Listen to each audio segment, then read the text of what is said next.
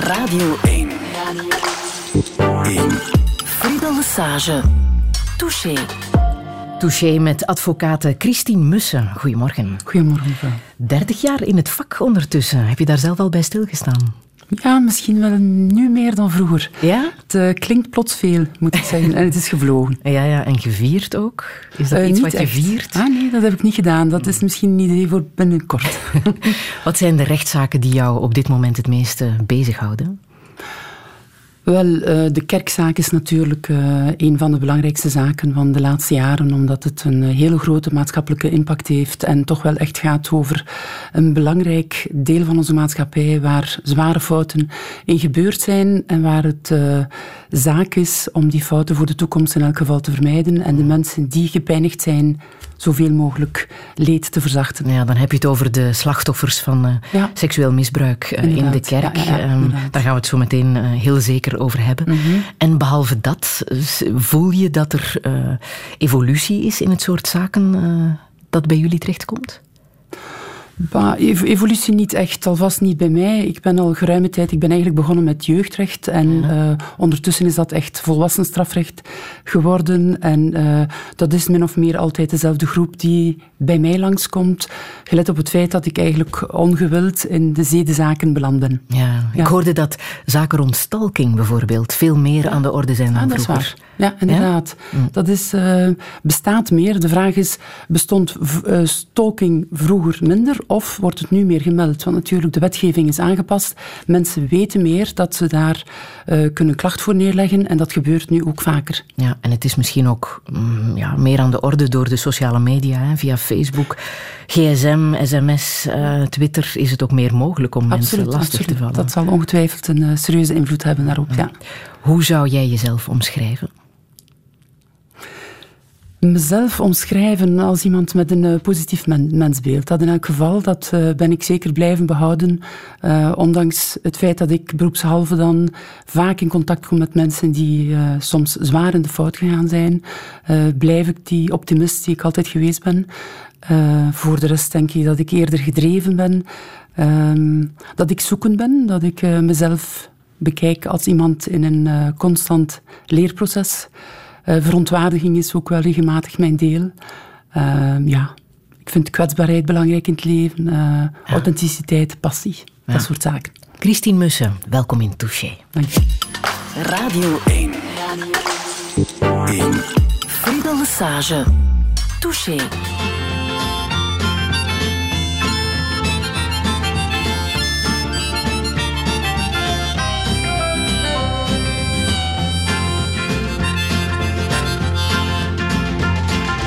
Guilty undertaker sighs, the lonesome organ grinder cries, the silver saxophones say I should refuse you. The cracked bells and washed out horns blow into my face with scorn, but it's not that way. I wasn't born to lose you. I want you. I want you. I want you so bad. Honey, I want you. Drunken politician leaps upon the street where mothers weep, and the saviors who are fast asleep they wait for you. And I wait for them to interrupt me drinking from my broken cup and ask me to open up the gate for you. I want you. I want you. Yes, I want you so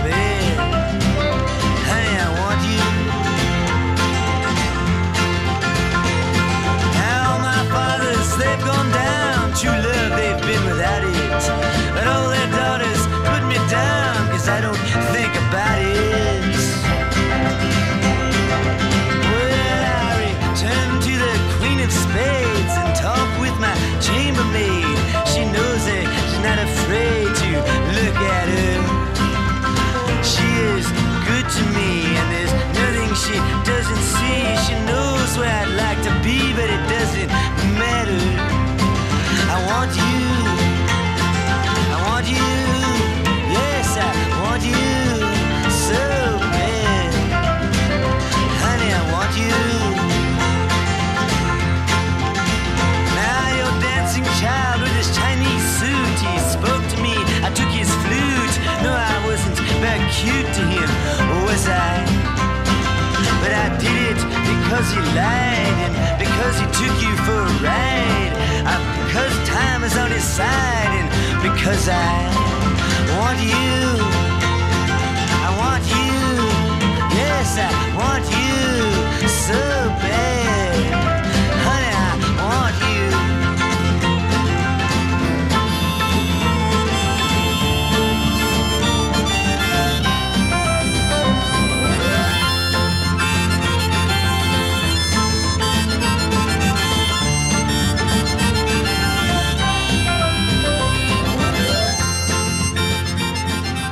I Want You van Bob Dylan. Christine Mussen, waarom wou je dit nummer absoluut laten horen? Oh, dat brengt mij terug uh, naar de periode waar ik op kot zat in Gent, uh, studentenperiode, en waar ik uh, een eindeloos aantal malen, malen geluisterd heb naar die muziek. En dat bracht mij zo in een speciale sfeer. Ja, ja dat is een periode dat ik heel zoekend was en ja, toch ook zware zaken meegemaakt. Dat mijn vader is toen overleden en zo. Dus allemaal enerzijds die vrolijkheid van die muziek en uh, die heel aparte klanken vond ik altijd tot op vandaag, vind ik trouwens. Ja. Je was uh, student rechten hè, ja. uh, aan de Universiteit in Gent. Mm -hmm. um, wanneer wist je dat je rechten wou studeren? Eigenlijk uh, relatief kort vooraleer ik de keuze gemaakt heb. Ik wou altijd lichamelijke opvoeding studeren. Had dat iets met uh, je lengte te maken? Uh, misschien. Ik was bezig met basketbal en uh, dat vond ik wel echt heel fijn. Want je bent groot, hè? Ja, ja. Ah. een meter 84. Mm -hmm. Dat is inderdaad heel groot, hè? Ja. Ja. Dus je dacht, dat kan ik ook? Ja, dat vond ik ook leuk, bezig zijn met jonge mensen. Jonge mensen hebben mij altijd enorm aangetrokken en geïnspireerd.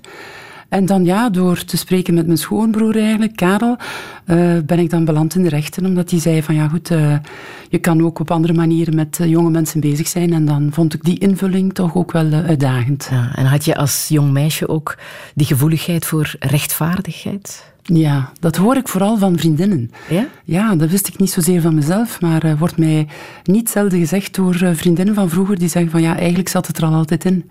En dus ja. verwondert het ons niet. Als ze dan later vernamen dat ik rechten had gedaan en advocatuur, dan vonden ze ja, dat is eigenlijk wel logisch. Ja. Je ja. was pas dertien toen je Lijmen het been van Elschot uh, las. Mm -hmm. Over rechtvaardigheid gesproken. En daar kon je wel wat lessen uit trekken, denk ja, ik. Hè? Ja, absoluut. Dat was een heel speciaal boek. en waarom heeft jou dat zo geraakt? Wel, het boek zelf, waarom heeft het mij geraakt? Omdat het uh, gaat over uh, mensen die lijmen, hè, zoals het woord het zelf zegt. Uh, trachten met mooi praterij mensen tot kopen aan te zetten, soms tot hun eigen schade. En de manier waarop de twee hoofdpersonages daarmee omgaan, vond ik ongemeen boeiend en interessant en uh, ja, leerzaam ook. Dus ja, dat was voor mij wel uh, ja. een eye-opener. Ja, uh. Je bent uiteindelijk geen lichamelijke opvoeding gaan doen. Nee. ook geen basketbalspeelster geworden, nee, wat ook had Daar was ik niet genoeg voor. Nee? Nee, nee, nee. nee, nee, zeker niet. Maar wat vond je zo aantrekkelijk aan dat basketbalspelen? God, ik denk in eerste instantie het feit van uh, je fysiek te kunnen uitleven. Daar had ik heel veel behoefte aan. Ja. En uh, dan ook de team spirit. Je leert er ook heel veel bij. Ja, wat, wat heb je eruit geleerd? Uh, ja, het feit dat het groepsgebeuren heel belangrijk is. Dat het mm -hmm. niet gaat over individuen.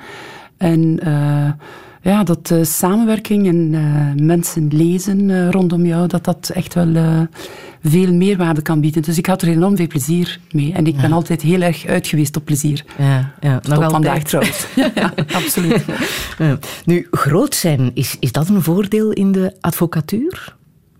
God, men zegt dan soms, maar uh, ik voel het zo niet aan. Maar uh, soms wordt het wel gezegd. Uh, Want je straalt het... op die manier wel een natuurlijke autoriteit uit, hè? Door, door je lengte. Ja, dat zal misschien zo zijn. Alhoewel ik hoop dat als er dan toch een autoriteit zou zijn, dat die eerder komt vanuit hetgeen wat ik zeg, dan het feit dat ik groot zou zijn. Dat vind ik eerlijk gezegd in het geheel niet zo belangrijk. Maar ik merk toch dat mensen me erop aanspreken. Dus ja. misschien is het wel zo. Want je bent pas een goede advocaat als je ook een goede redenaar bent.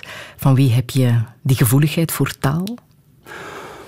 Ik weet niet of ik dat echt zo enorm heb. Uh, ik denk een goed advocaat is iemand die vooral veel inhoud kan brengen. Uh, de manier waarop is natuurlijk niet onbelangrijk en het is wel best verpakt in een, uh, heldere taal. Maar het is vooral de inhoud die uiteindelijk uh, blijft hangen bij de rechters. En uh, daar leggen we vooral de nadruk op. En de kennis van zaken. Ja, inderdaad. Wat ja. weet je nog van je eerste zaak die je moest pleiten? Mijn eerste zaak was eigenlijk een, uh, een dame die in voorlopige hechtenis zat. En zij had een diefstal gepleegd. Zij was moeder, was ik geloof 43 jaar en ze zag er zo maar eventjes 20 jaar ouder uit. En ze vertelde mij over het feit dat ze effectief een diefstal had gepleegd. En uh, ik moet zeggen, dat was een enorme indrukwekkende ervaring voor mij. Omdat ik, ik heb daar uren bij die dame gezeten en ik hoorde daar verhalen waar ik eigenlijk niet van wist dat ze bestonden. En ik ben echt anders uit die gevangenis uh, weggegaan. Mm -hmm. Ook anders gekeken naar het vak advocaat? Ja. Ik, ik had een beetje het reflex van ja, iemand die zoveel meemaakt en zo lang eigenlijk, want het was een eerste uh, misdrijf dat ze gepleegd had. Ze had tot dan toe een feilloos bestaan en ze was in moeilijkheden geraakt en ze had effectief iets heel foutief gedaan. Maar de aanloper naartoe heeft ongelooflijke eye-opener voor mij geweest. En ja. Uh, ja, dat ben ik wel blijven meedragen. Ja. Ondertussen um, heb je een kantoor samen met Walter van Steenbrugge en uh, Jo van Akker. Ja. Um, ondertussen twintig jaar dat jullie samenwerken ja, ongeveer, denk inderdaad. ik. Um, wat is het voordeel van met verschillende mensen samen een kantoor uh, te houden? Wel, het feit dat we complementair zijn. Uh, Walter en ik hebben denk ik echt wel, wij delen dezelfde basiswaarden. We staan voor een groot deel voor hetzelfde. Maar ieder kan daar zijn eigen invulling aan geven. En dat is een ongelooflijke luxe. Uh, waar ik mij elke dag uh, heel gelukkig om prijs. Mm. Want er zijn heel veel zaken waar ik uh, niet toe in staat zou zijn om allerlei redenen. En anderzijds, als ik mag spelen op het terrein waar ik denk van nut te kunnen zijn, dan geeft dat toch wel af en toe een echt goed gevoel, moet ik zeggen. En ik kan mij voorstellen dat je ook wel eens twijfelt aan je eigen mening. Absoluut. En dat, dat aftoetsen je die moet is, aftoetsen. Ja, ja, dat doen we elke dag. elke middag lunchen we samen, Jo en Walter en ikzelf. En dat is echt een verademing. Dan wordt besproken datgene wat in de ochtend al gebeurd is, gepleit is, meegevallen is, tegengevallen is. Uh, en dan wordt ook besproken wat er nog komen zal die dag. Die dag. En dat is een uh, heerlijke toetsing aan... Uh, ja, met ons werk. Dus dat Mhm. is echt wel ja, een grote schat, moet ik Ja. zeggen. Waarom heb je je gespecifieerd in, in zedenzaken, jeugdzaken? Heeft dat ook te maken met het feit dat je ja, echt met jongeren wou werken? Ja, uh, jeugdrecht zeer zeker. Dat wist ik altijd op voorhand. Maar uh, zedenzaken is eigenlijk eerder toevallig gebeurd door het feit dat ik uh, relatief kort, toen ik aan de balie was, werd ik aangezocht in een zedenzaak. En uh, ja, ik moet ook zeggen, ook daar wist ik bijzonder weinig van. Dat was ook nog heel uh, sumier aan bod gekomen in onze opleiding. En ik leerde daar zoveel waar ik ook eigenlijk het bestaan niet van wist. En toen ben ik blij daar beginnen in interesseren vanwege die zaak. En daardoor ben ik in een soort van circuit geraakt, omdat hulpverleners ook wel merkten van ja, zij staat er wel open voor, zij wil daar iets over weten. Ik heb dan ook studiedagen gevolgd en zo is dat zachtjes aan opgebouwd eigenlijk. -hmm. Helpt het dan dat je een vrouw bent in dat soort zaken? Dat zou ik niet durven zeggen. Ik denk alweer de combinatie van de twee, het complementaire, is ook hier wel aan de orde. En ook het kunnen aftoetsen van, uh, van dat soort zaken met een man vind ik ook wel een meerwaarde. Kan je zeggen welke zaken je het liefst doet? Want het zijn altijd ja, vreselijke dingen hè, die bij jou in het kantoor terechtkomen. Goh, daar is ook niet echt een, uh, een grote um, uitschieter bij. Het liefst uh, de zaken waar we het gevoel van krijgen, of minstens ik het gevoel van krijg, waar ik echt een meerwaarde kan bieden. Mm. Waar je zegt van kijk, die mensen hebben echt kunnen helpen. We hebben ze enerzijds trachten echt goed te verstaan, vooral de motieven te achterhalen waarom zaken fout gelopen zijn. En dan uh, dat ook kunnen overbrengen naar de rechtbank, liefst met goed gevolg. Ja, dat is gewoon heerlijk. Dat ja. uh, is elke keer opnieuw uh, heel, heel leuk. Ja, je verdedigt zowel daders als slachtoffers, mm-hmm. hè? Ja. Hoofdzakelijk slachtoffers, maar ook daders. Als er een traject kan afgesproken worden. Uh, ik bedoel dan slachtoffers van seksueel misbruik, want voor het overige redelijk wat daders in allerlei soorten misdrijven uiteraard. Maar daders van seksueel misbruik uh, worden ook verdedigd door mij. En dat is omdat ik denk dat uh, mensen die op dat vlak in de fout gegaan zijn, als zij bereid zijn om een traject af te leggen dat we vooraf goed afspreken, waar ze bereid zijn hun verantwoordelijkheid echt op te nemen, erkenning te geven aan het slachtoffer, niet te, mi te minimaliseren of te verschuiven qua schuld, dan denk ik dat ook die personen uh, begeleiding nodig hebben. En dat heeft een belangrijke reden, omdat die begeleiding er ook kan voor zorgen dat ze geen herval plegen. En dat moet mhm. sowieso toch wel echt de bedoeling zijn. Hè? Ja. Zelfs als je niet moet pleiten, ga jij wel eens in de rechtszaal zitten. Zoals bijvoorbeeld bij de zaak Kim de Gelder. Ben je ah, als uh, toeschouwer uh, de zaak gaan volgen. Hè? Ja. Waarom? Ja, dat had een uh, specifieke reden. Ik was ongelooflijk geboeid Ehm, met betrekking tot het feit of die man uh, toerekeningsvatbaar was. Of er psychische oorzaken waren. En natuurlijk, die zaak was gekend, ook al was je niet als, als advocaat bij het dossier betrokken, was er toch wel heel wat over te lezen. En uh, ik wou wel eens weten van, goed, wat, wat zeggen de psychiaters? Dat is een materie die mij zeer mm boeit. En uh, dat, het was de dag dat de psychiaters en de deskundigen op dat vlak allemaal aan bod kwamen, dat ik daar gaan zitten ben, met mijn zoon trouwens, uh, waar we eigenlijk echt een interessante dag gehad hebben en gezien hebben wat daar allemaal kan over gezegd worden. En het is hoe dan ook echt leerzaam. Ja, zelfs als je de zaak niet moet pleiten. Ja, zeker. Het interesseert mij maatloos.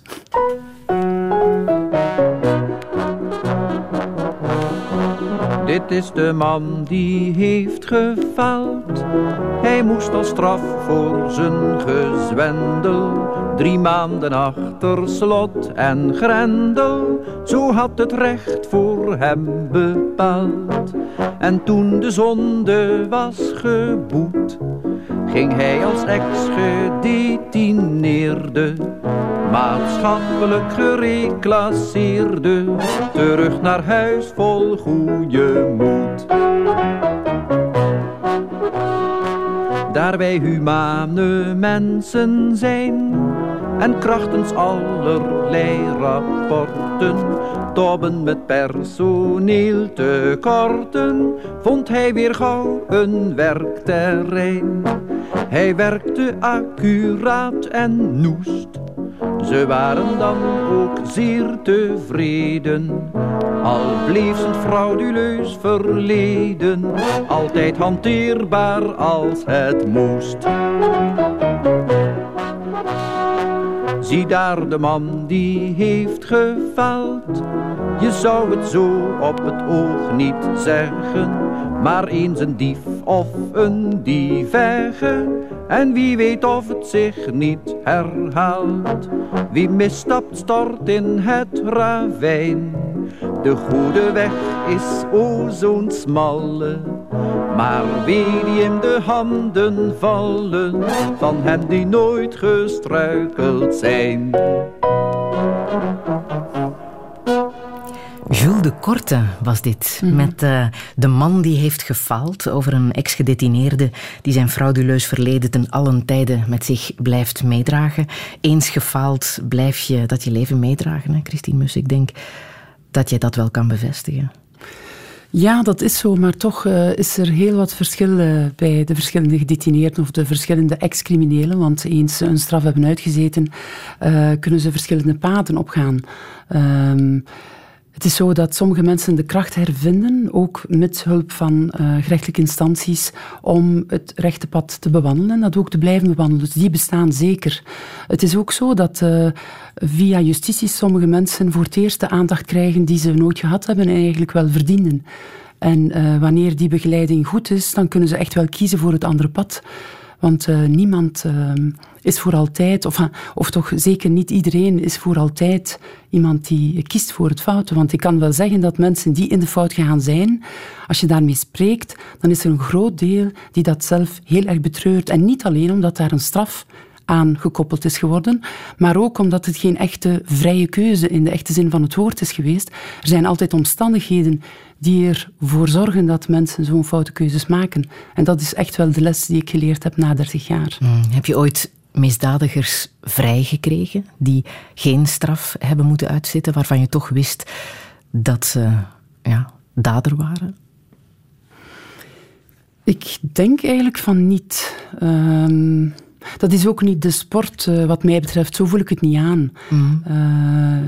nee, ik zou het eigenlijk niet kunnen zeggen, onmiddellijk. Ja. Het is wel al gebeurd bij jullie kantoor dat jullie iemand die volgens jullie niet schuldig was, toch in de gevangenis beland is. Hè? In mm de zaak van Noppen, mm de vermeende opdrachtgever. Ja. Waarom was dat een zaak die jou zo ja, blijft achtervolgen? Wel, het is eigenlijk zo, zoals u zegt, wij um, hadden het gevoel na lezing, grondige lezing van het dossier, dat uh, de verkeerde man op de stoel zat. Uh, dat men eerder zocht naar een schuldige dan wel de schuldige in dat proces. En uh, als je daarvan overtuigd raakt, ook door de vele contacten met de betrokkenen en de magere bewijslast die toch maar verzameld was, dan, en daarnaast ook de manier waarop het proces gelopen uh, is, zes weken aan een stuk, dan was het vertrouwen echt wel verdwenen. En dan zo iemand zien veroordelen, die al geruime tijd in voorlopige hechtenis zat, dat was echt een knauw in het mhm. geloof in justitie. En daar, daar ben je even niet goed van. Ja, ah, dat is ondertussen een zaak van 2000, dacht ik. Ja, dat is al een hele tijd uh, geleden. Maar zelf noem je het nog altijd als een van de zaken die jou uh, hebben veranderd zelfs. Ja, inderdaad. Um, dat is een extreem geval van... Uh, je kan af en toe vragen stellen bij de manier waarop het systeem functioneert. En dat is gelukkig hoofdzakelijk toch nog altijd goed. Uh, maar af en toe kan het zeer waar fout gaan. En uh, dat was zo'n moment, echt een keerpunt ook in mijn uh, beroepscarrière, -hmm. waar ik spreek van de periode ervoor. En dan erna heb ik het toch wel allemaal een beetje anders bekeken. En heb ik helaas moeten vaststellen dat we echt moeten waakzaam zijn met betrekking tot de geloofwaardigheid van bepaalde stukken die worden voorgelegd. Stukken waar de rechtbank en wij zelf dan ook ons moeten op baseren om te kunnen een oordeel vellen over wat hier al of niet gebeurd is. Ja, jouw vernoot, uh, Walter van Steenbrugge, ja. um, stelde ik diezelfde vraag in 2008, ondertussen mm -hmm. al een hele tijd geleden. Ah, en ook uh, die zaak vermeldde hij als ah, de zaak die uh, hem nog altijd het meeste raakt. Ja, dat achtervolgt mij tot op vandaag nog altijd, ja. omwille van het feit ja, dat daar de grootste gerechtelijke dwaling die ik heb meegemaakt is uh, uitgesproken. Dat is een, is een nachtmerrie tot op vandaag nog altijd. Daar voel ik ook aan dat ik uh, zeer zwaar tekort geschoten heb. Ik had dat proces moeten laten stilleggen. Dat was een onrechtvaardig proces van de eerste minuut tot de laatste minuut. Maar wij hebben als uh, advocaten toen gedacht dat we het allemaal op het einde nog zouden kunnen rechtzetten in pleidooien. Maar de koers was toen op dat ogenblik al gereden. Het verdikt was eigenlijk al, al gevallen, dus we hebben dat niet meer kunnen rechttrekken. En dan maak je mee dat iemand die absoluut ten onrechte daar op de bank zat, op de beklaagde bank zat, dat hij de maximumstraf uh, krijgt. Als, als je daar heel gemakkelijk afstand kunt van nemen, dan denk ik ja, dat je dan ook jezelf een stuk verloochent. We zijn ook allemaal maar mensen. Dat beklijft ook. Touché dat beklijft. De man waarover sprake is ondertussen uh, vervroegd vrij, hè, al, al vier jaar. Hij ja. uh, heeft tien jaar gezeten. Ja. De naam wil je niet zeggen, of mag jij niet zeggen. Kan je uitleggen mm -hmm. waarom? Dat is eigenlijk op vraag van betrokkenen zelf. Uh, wat hem betreft is dat een vreselijke periode die hij afgesloten heeft. En hij wenst op dat vlak niet meer van, genoemd te worden. En uiteraard respecteren wij dat. Ja. Om ook een nieuw leven te kunnen Ja, absoluut. Hij is daar volop aan bezig. En uh, ik mag hopen dat hem dat goed lukt. Want nu is het wel geruime tijd geleden dat wij daar nog contact mee gehad hebben. Ja. Je zegt zelfs dat er voor jou een, een periode voor de zaak. Van Oppen en na de zaak mhm. van Oppen is geweest. Dat je ja, anders uh, in de advocatuur staat sindsdien. Ja, waakzamer. Uh, zoals ik al zei, stukken die opgemaakt worden door verbalisanten zijn ook mensen natuurlijk. Daar is veel verschil in. En er zijn er heel wat die ongelooflijk hun best doen, maar er zijn er ook die echt wel durven over de schreef gaan en die durven zaken op papier zetten die niet met de waarheid overeenstemmen al was het maar om te kunnen iets presenteren in het onderzoek, of iemand te kunnen presenteren in een onderzoek, het welk ze absoluut willen kunnen als voleindigd uh, voorleggen. Mm -hmm. Dus daar spelen soms drijfveren die niet gekend zijn, die ook niet voldoende gekend waren door mezelf, maar waar we dan op een bijzonder confronterende manier uh, mee uh, geconfronteerd zijn in die zaak. En dat was echt wel onvoorstelbaar eigenlijk. Ja. Ja. Voel je je dan als de advocaat die heeft gefaald? Onder meer, zeker en vast. In de eerste plaats denk ik dat uh, het falen zich vooral uh, bevond bij het opmaken van het dossier, bepaalde uh, verbalisanten en dergelijke, die niet bezig waren met het zoeken naar de dader. En dat is natuurlijk wel heel fout. Als het er meer om gaat om een dader, om iemand te kunnen voorstellen, dat klinkt mm. bijzonder ongeloofwaardig. En toch was het in deze wel echt aan de orde. Uh, want voor alle duidelijkheid, wij, onze overtuiging was dat het niet gebeurd was. Wij kunnen dat niet met zekerheid zeggen, want wij waren er niet bij natuurlijk. Maar wat wel duidelijk was, dat is dat uh, de bewijslast bijzonder mager was en dat er te veel technieken en structuren naarmate het proces uh, vorderde naar buiten kwamen, die aantonen dat de vrees die we eigenlijk hadden van het kan toch niet waar zijn dat men hier niet op zoek is naar de echte waarheid en dat er andere zaken gespeeld zijn, dat is eigenlijk in die zes weken geëtaleerd geworden. En dat is natuurlijk een onvoorstelbare vaststelling, waar je dan ja, meer dan je lief is begint te twijfelen van ja, maar is het wel zo? Het staat hier wel zo, maar hoe is het aan bod gekomen? En natuurlijk is het zo dat door het feit, excuseer, dat wij uh, heel veel kunnen praten met onze cliënten en zij, je leert ze kennen en ze zeggen van ja, maar het was echt niet zo. En ze kunnen het waarschijnlijk maken door bijvoorbeeld getuigen of bepaalde mails of wat dan ook voor te leggen. En je ziet van ja, het zou wel eens kunnen dat dat effectief met, niet met de waarheid overeenstemt. Ja, dan krijg je een andere houding naar dossiers en dan word je waakzamer. En dat is helaas soms nodig. Mm. De waarheid bestaat niet. Zelfs de een rechtbank kan de waarheid niet garanderen. Maar het is wel haar plicht om de waarheid zoveel mogelijk te benaderen. Mhm. En daar alles om voor te doen. En als er uh, twijfel um, of vraagstelling op zijn plaats is, dan moeten we af van de houding van ja, maar het staat op papier. Of het is de politie die het op papier gezet heeft. Dus het zal wel waar zijn. Uh, het is hopelijk meestal waar. Maar als het niet zo is, moet men daar open voor staan. En moet men bereid zijn dat ook te controleren in de mate dat het mogelijk is natuurlijk. Mhm. En ik moet zeggen, de jongere rechters uh, gaan daar zeker uh, ook, vind ik, op dat vlak beter mee om. Uh, de vroegere generatie was toch heel vaak van ja, maar het is zo, want de politie zegt dat het zo is, maar ook politiemensen zijn mensen en durven soms wel eens fouten maken om de foute redenen. Zeker als het doelbewust is, vind ik het bijzonder kwalijk. En vind ik ook dat dat echt zou moeten afgestraft worden, want die mensen zitten dan niet op de juiste plaats, want zij hebben een ongelooflijk belangrijke taak te vervullen. Mhm. In falen zit ook schoonheid, zei filmregisseur Michael Roskam hier uh, vorige week. Herken je dat? Zit er ook in jouw falen een soort schoonheid? Ik mag het hopen, ja. Als het mhm. over mijn eigen falen uh, gaat, dan hoop ik het zeker, want uh, ik denk dat je er altijd iets uit leert, dat je er altijd rijker van wordt. Het is heel belangrijk dat je omgeving je daarop wijst ook en je dat ook vergeeft en je toelaat om te falen. Dat lijkt mij de mhm. enige manier om gezellig door het leven te kunnen. maar als je zo'n zo'n ontgoocheling meemaakt, mhm. waar haal je dan nog de moed uh, vandaan om, om verder te doen in dat vak? Wel, ik moet zeggen, in de eerste fase is het wel zo dat je echt op het canvas ligt. Hè. Dat is uh, indrukwekkend wat voor een impact het heeft. Ik herinner mij die dagen en de maanden na het proces waren toch wel echt indrukwekkend. Uh, ik was toch wel een stuk mijn moed kwijt. Maar dan begin je na te denken over alles wat je meegemaakt hebt. Je begint te analyseren. En dan zeg je, ja, we kunnen daar in geen geval bij stilstaan. Reden te meer dat we moeten verder vechten, liefst op een beschaafde manier, om te zorgen dat dat soort zaken zo weinig mogelijk gebeurt. En ons klein stukje bijdrage op dat vlak ook te leveren. Dus het is eigenlijk bijna een, het heeft een omgekeerd effect gehad. Uh, het was eerst uh, heel uh, ja, indrukwekkend. Uh, maar in tweede orde heeft het ons gesterkt om er nog sterker voor te gaan en er nog harder voor te vechten.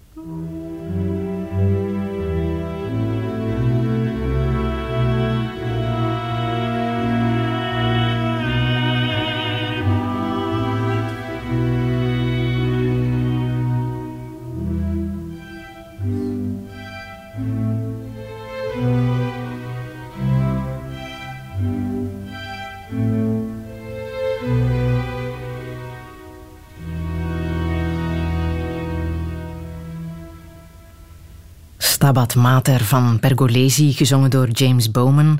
Christine Mussen, waaraan doet dit jou denken?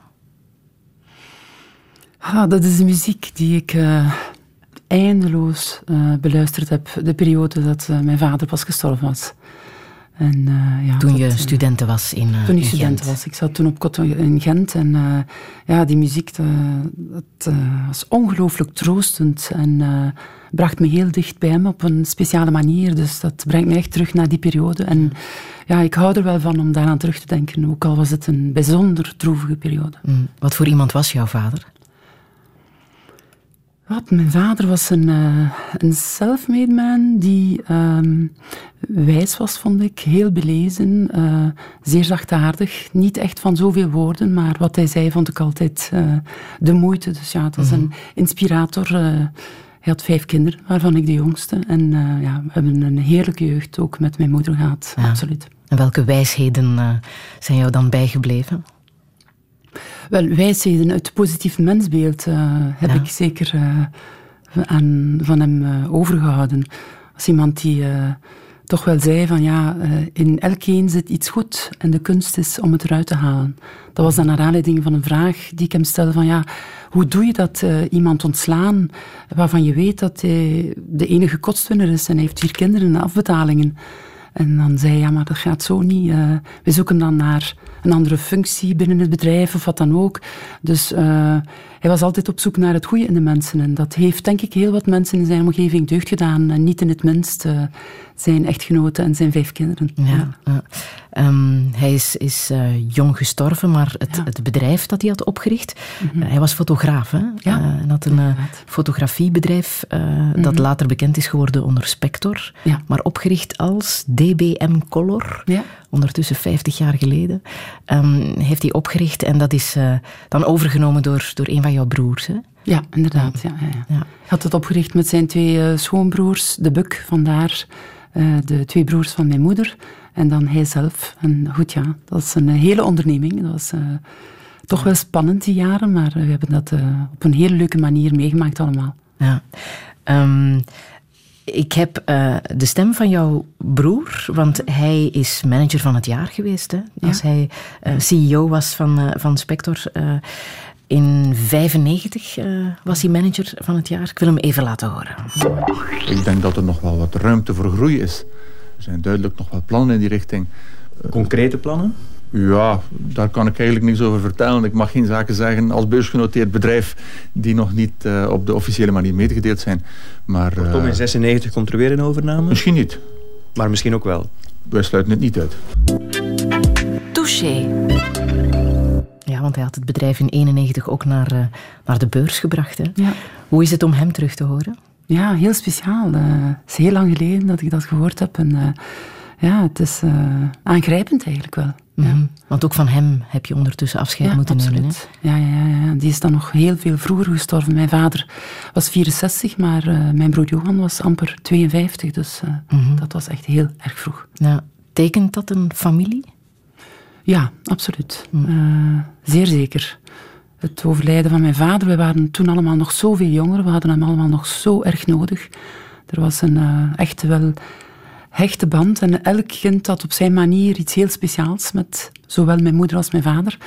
En dat valt dan weg. Dus dat was heel ingrijpend, dat moet ik echt zeggen. Dat is het tot op vandaag voor mij. Mm -hmm. En dan onze broer Johan, ja, waar we toch allemaal naar op keken, letterlijk en figuurlijk. Want hij was twee meter, dus hij was uh, toch wel een grote broer. Uh, ja, dan uh, wordt hij ziek en het jaar daarna overlijdt hij. Dat zijn toch wel heel erge zaken om mee te maken. Ja. Kan je zeggen op welke manier dat invloed heeft gehad op wie jij zelf bent geworden? Wel, ik denk dat je, als je zoiets meemaakt, toch wel eens dieper gaat nadenken over het korte bestaan wat ons allemaal beschoren is. En de echte waarden in het leven. Uh, het doet je wel nadenken natuurlijk. En het feit dat het allemaal heel snel kan voorbijgaan. En dat we moeten zorg dragen van elkaar en ook van onszelf. En uh, dat we de belangrijke zaken in ons leven uh, goed moeten laten tellen ook. Dat het niet mm -hmm. gaat over het materiële, maar dat er zoveel mooiere dingen zijn. En wat zijn die belangrijke dingen voor jou in het leven? Oh ja, ik denk in de eerste plaats de liefde natuurlijk. Hè. Het, het feit van, zoals ik zelf, het geluk te hebben van twee gezonde, goede kinderen te hebben. Dat is ja, het mooiste, vind ik zelf, uh, wat je kan meemaken. En dan uh, ja, de belangrijke zaken die we thuis geleerd hebben. Het, uh, het zoeken naar eerlijkheid, authenticiteit. het geluk van in familie te kunnen in alle warmte samen zijn. Dat te meegekregen te hebben als thuis. Dat moet ik zeggen, is ook iets wat ik geleerd heb in mijn vak de waarde daarvan. Mhm. Omdat je constant geconfronteerd wordt met mensen die dat nu net niet gehad hebben. Of heel vaak is dat zo. En dan uh, als kind vind je dat natuurlijk normaal. Maar als je ouder wordt en je wordt geconfronteerd met mensen die nooit echt aandacht gekregen hebben, laat staan liefde, laat staan begeleiding, laat staan een eerste kans, een tweede kans. Mhm. Dat allemaal, als dat allemaal ontbreekt, dan zal je dat ongetwijfeld vormen. Dus uh, ja, dat zijn wel zaken die meer en meer uh, tot je besef, tot je bewustzijn gaan behoren wanneer iemand wegvalt. Ja. Een hechte familieband, hoe, hoe onderhoud je dat? Oh, door elkaar regelmatig te zien. Uh, dat is een traditie die bij ons absoluut bestond, altijd. Want veel mensen vinden dat net, nu net heel moeilijk, hè? Om die positief en goed te houden, de familieband. Ja, maar ik denk dat de hele kunst erin bestaat om, zoals ons vader het ons geleerd heeft, de positieve te zaken te zien bij de andere mensen, eerder dan de zaken die minder goed zijn, uh, die bij iedereen bestaan. Mhm. En waar we mild moeten mee omspringen en, en liefdevol. En uh, de kunst is denk ik niet om uh, al te kritisch te zijn en al te veroordelend en beoordelend, maar veel eer elkaar te omarmen, ook in de kleine kantjes, mm lijkt mij. Ja. Op wie lijk jij het meest, denk je? Wel, ik moet zeggen, mijn moeder zei altijd dat ik eerder op mijn vader leek. En ik vond het altijd leuk om dat te horen. Hij was al zo lang weg van ons en dat was een leuke manier om er terug bij te zijn. Maar uh, terzelfde tijd de verontwaardiging waar ik van getuig, vind ik zelf nu, na zoveel jaren. Uh, dat was zeker iets wat ook mijn moeder in zich had, absoluut. Ja, mijn moeder kon zeer verontwaardigd zijn over zaken die niet juist waren in de maatschappij. En als ik haar dan zag in het weekend, dan kon ze daar echt heel, in, heel erg in opgaan. En dan dacht ik van, tja, dat komt toch ook ergens vandaar. Ja. Het lijkt mij ook dat de musses zeer harde werkers zijn. Klopt dat? Um, ik denk harde werkers in de materie die hen echt uh, nauw aan het hart liggen. Dat wel, ja. Dat denk ik wel. Ja, want als je zegt, ja, je moet uh, vooral van het leven genieten, want het kan mm. kort zijn. Is dat te combineren met, met hard werken, workaholic zijn? Maar ik zou mezelf niet echt workaholic uh, noemen, maar ik vind mijn werk wel belangrijk. Mm -hmm. uh, maar terzelfde tijd is er toch ook wel plaats en ruimte, dankzij ook uh, Jo en Walter, die me dat absoluut gunnen als moeder, om de belangrijke zaken in het leven op het menselijk vlak dan te kunnen onderhouden en daar ook trachten in te groeien en daar te kunnen evolueren. Ja. Mm.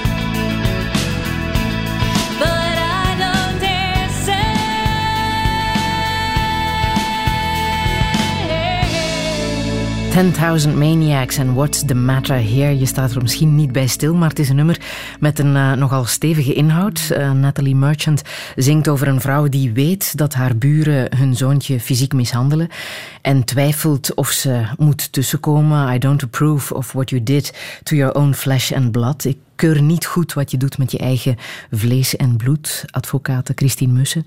Wat doe je in zo'n geval als je weet dat er bij de buren dingen gebeuren die niet kunnen? Ja, het lijkt me zelfs geen vraag waard, eerlijk gezegd. Eh, Het lijkt me evident dat een eh, kind, dat dus minderjarig is en nog niet voor zichzelf kan opkomen, hoe dan ook moet geholpen worden. En dat eh, zich afvragen of men daar iets moet voor doen, vind ik op zich al heel merkwaardig. En ik weet dat dat bestaat bij mensen vaak, omdat ze dan zeggen van ja, ik wil niet zelf in het gedrang komen of ik wil niet zelf moeilijkheden krijgen, maar als men die afweging maakt, dan denk ik dat de keuze duidelijk moet zijn voor het kind. Wat doe je dan? Politie bellen? Bijvoorbeeld, ja, inderdaad. En eventueel anoniem of hulpverleners of, of wat dan ook. Hetgene wat best geschikt is, hangt natuurlijk ook af van de mate waarin en in welke mate of er nog misbruik altijd plaatsvindt, of het iets gaat over het verleden. Eh, de eerste plaats moet toch wel eh, de bescherming van het kind zijn. Dat is onze burgerplicht ook. Lijkt hè? mij ook, ja, inderdaad. Ja. Eh, je kan het een beetje koppelen aan de stelling van jouw favoriete filosoof Jean-Jacques Rousseau. Eh, die zegt: ehm, Le grain et le terrain. Dat moet je even uitleggen wat, wat je daar zo fascinerend aan vindt aan die eh, stelling. Wel, het is eigenlijk zo dat bij de zoektocht naar strafwaardigheid van een individu er een aantal zaken aan bod komen. Enerzijds het graantje, het genetisch materiaal en de kwaliteit ervan zal een stuk bepalen wie je, wie uiteindelijk wordt, uiteraard. Eh, en dan in de tweede fase is le terrain eh, de plaats waar iemand opgroeit, de omgeving, eh, liefdevol al dan niet, is een belangrijk aspect met dan de uiteindelijke vraag van waar begint het eigen aandeel van de betrokkenen. We zijn allemaal het resultaat van genetisch materiaal van de omgeving. We hebben ook een eigen inbreng, alvast zo zeggen eh, bepaalden. hè. Sommige eh, filosofen vinden dat de vrije wil niet bestaat en dat dat aandeel dus eh, niet groot is. Eh, de zoektocht daarnaar is ongemeen boeiend, omdat eh, bij elke zaak word je geconfronteerd met omstandigheden en het wordt al te vaak fout begrepen. Verdedigen betekent nooit goedkeuren, betekent toelichten. Toelichten hoe het komt dat iemand zo in de fout is gegaan. En eh, die zoektocht is bijzonder boeiend en dat gaat dus over le grain et le terrain. Dat is een moeilijk evenwicht. Hoe gaan we daarmee om?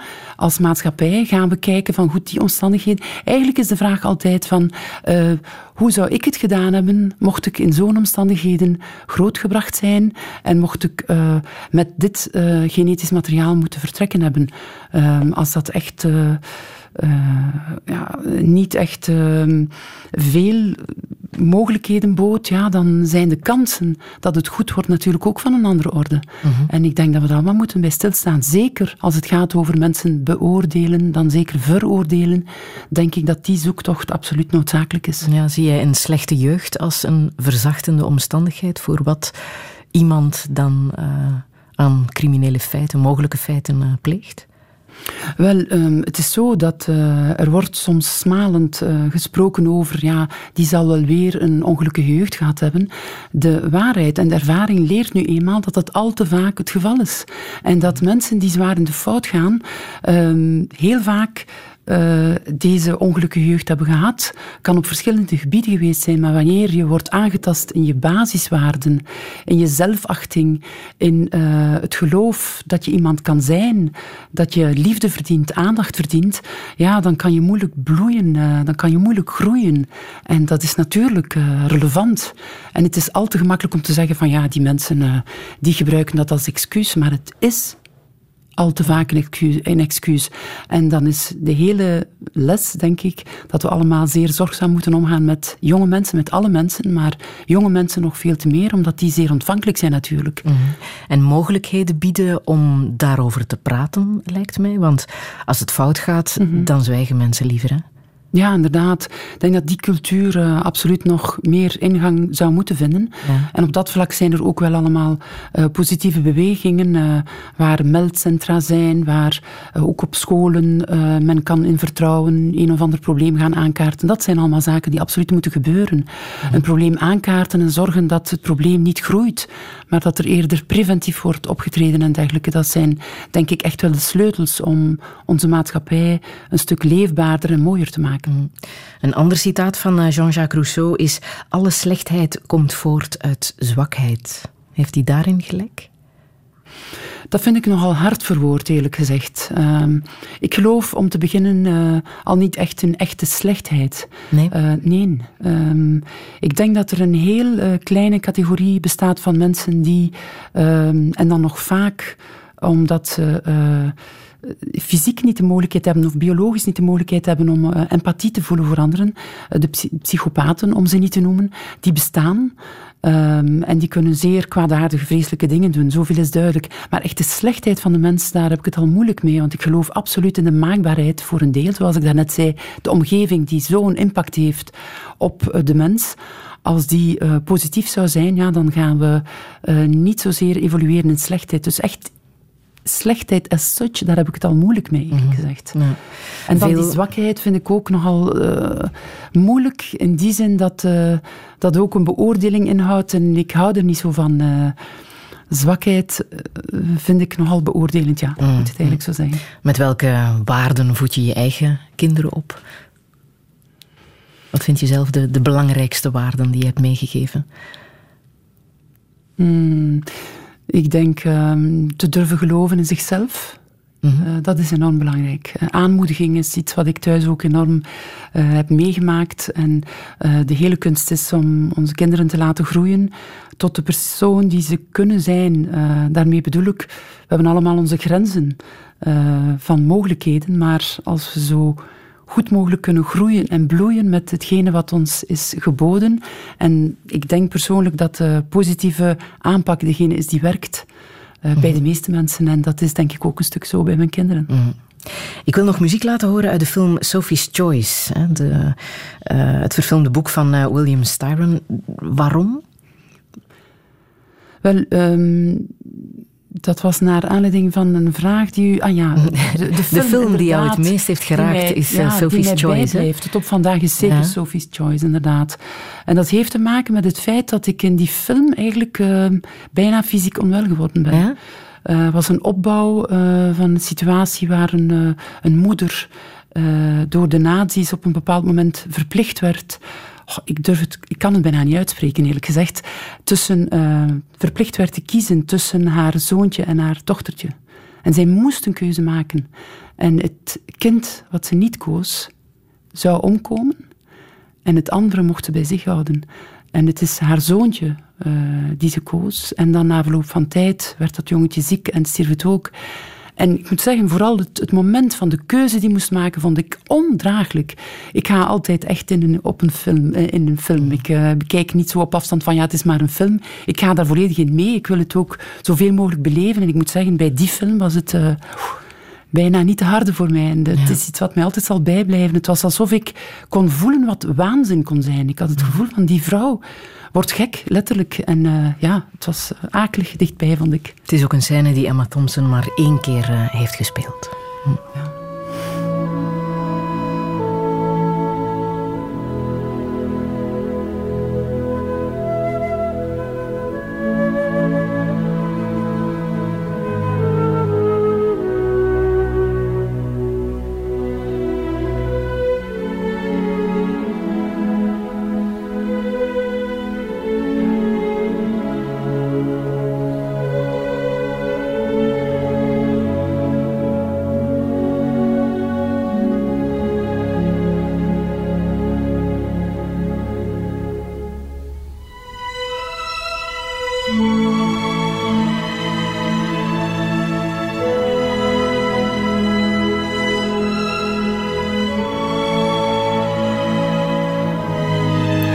zei Emma Thompson, maar ik bedoel natuurlijk Meryl Streep. Twee fantastische actrices. Thema uit de film Sophie's Choice. Zometeen praat ik verder met advocaat Christine Mussen. Radio 1. Friedel Lesage. Touché. Touché met advocaat Christine Mussen. Als jonge meid zette ze haar lengte in op het basketbalveld. Maar ze voelde al snel dat ze sterker was in woorden dan in fysieke kracht. Ondertussen zit ze 30 jaar in het advocatenvak. De mooiste wijsheid kreeg ze mee van haar vader. In iedere mens zit iets goeds. Het is de kunst het eruit te halen. Haar vader was de oprichter van het fotobedrijf Spector.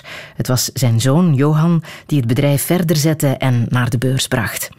De twee mannen hebben zich ondertussen verenigd hierboven, maar Christine Mussen strijdt moedig verder.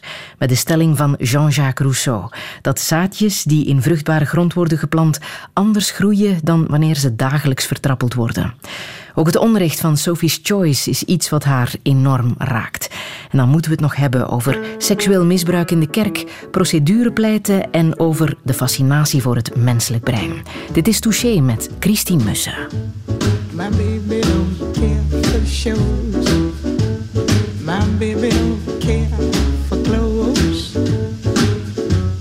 My baby just cares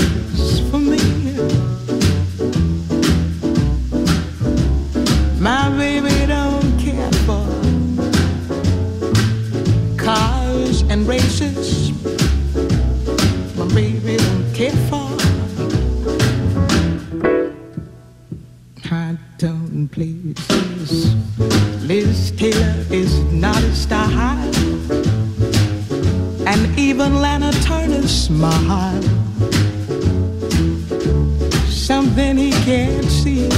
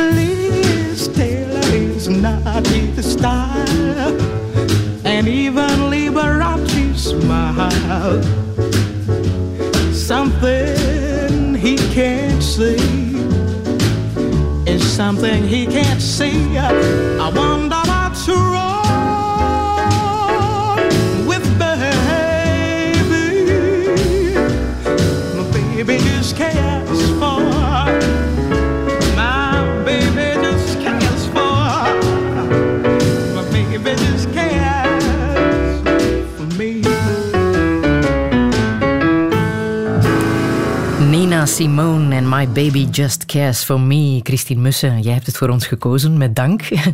maar waarom precies? Waarom wou je Nina Simone laten horen? Wel, het is ook een, eh, een lied eh, waar ik heel veel warmte en eh, liefde in terugvind. En het is natuurlijk komende van een dame die echt wel iemand betekend heeft. Het was een burgerrechtenactiviste, het was een, een vrouw die in haar tijd toch al echt iets te vertellen had. Een, een, een, zwarte dame die ook wel gestreden heeft voor eh, ja, de positie van haar eh, mede-zwarten. Dus het was wel iemand die iets te vertellen had. En daarnaast vind ik een ongelooflijke sfeer wist eh, neer te zetten eh, in haar muziek. Dus ja, fantastisch. Pianist ook, ja. Jij bent gespecialiseerd in jeugdrecht en al jaren bezig met eh, de zaak van seksueel misbruik in eh, de kerk. En u noemt dit nieuwsfeit van begin dit jaar als je eigen moment de gloire. Nooit gezien is dit. De kritiek die de Heilige Stoel krijgt van de Verenigde Naties. Een internationale organisatie waarvan bijna 200 landen lid zijn.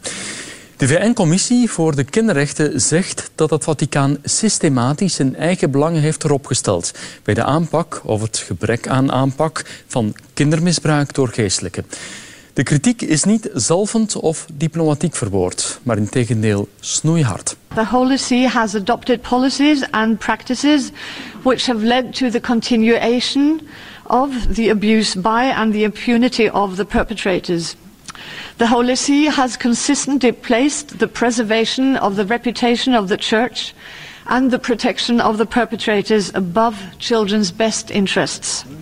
Om het misbruik te stoppen moet het Vaticaan alle betrokken geestelijken ontslaan en alle gegevens uit archieven vrijgeven.